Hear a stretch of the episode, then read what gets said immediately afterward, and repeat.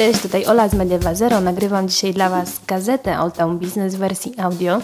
E, pomyśleliśmy, że będzie to bardzo fajna opcja dla ludzi, którzy są zabiegani, zapracowani i nie mają czasu czytać, co rozumiemy w szczególności a chcą posłuchać, dowiedzieć się różnych treści związanych z budowaniem swojego biznesu w przestrzeni online, optymalizacji, e, płatnych reklam i wielu, wielu innych rzeczy. Dlatego zapraszam do posłuchania pierwszego audio z gazetą Old Town Business. Ekspert poszukiwany. Trend na ekspertów trwa. Ekspert to taki człowiek, który popełnił wszystkie możliwe błędy w bardzo wąskiej dziedzinie. Niels Bohr. Zgadzasz się? Ja w stu procentach.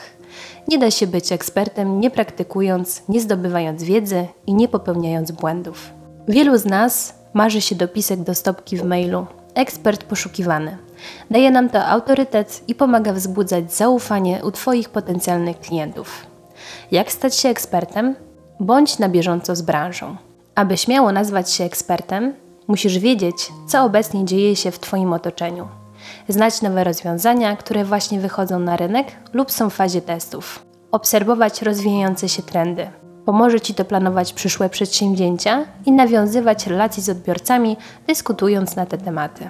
Stale zdobywaj wiedzę. Raz zdobyta wiedza nie czyni Cię ekspertem po wsze czasy.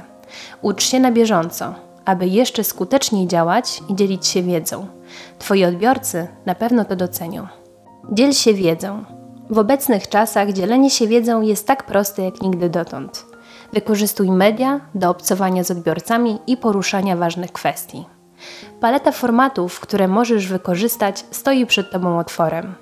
Wykorzystuj filmy, podcasty, teksty, przykład do postów na social media, czy infografiki ilustrujące treści, które chcesz przekazać. Jednak pamiętaj, nie korzystaj z formatu, który nie jest dla Ciebie stworzony. Nie lubisz się nagrywać filmowo, a wolisz mówić? Stwórz podcast lub skorzystaj z platformy typu Clubhouse, która umożliwi Ci nawiązywanie relacji w sposób, który dla Ciebie będzie najbardziej komfortowy. Udzielaj się na szerszą skalę, wchodź we współpracę, zostań zauważony. Dzięki wypowiadaniu się na szerszym forum w tematach, w których faktycznie mamy pojęcie i jesteśmy pewni naszych racji, zyskamy poparcie, zostaniemy zauważeni. A kto wie, może podczas dyskusji użytkownicy klikną w Twój profil i zostaną z Tobą na dłużej.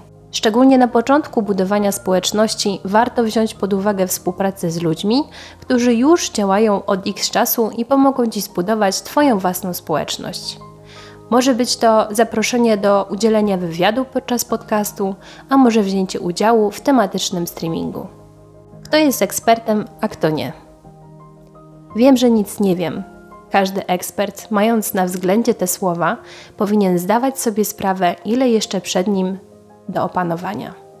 Popełniamy błędy, dlatego słuchając naszych autorytetów, musimy zdawać się na własną intuicję, przesiewać dane i wyciągać z nich konstruktywne wnioski.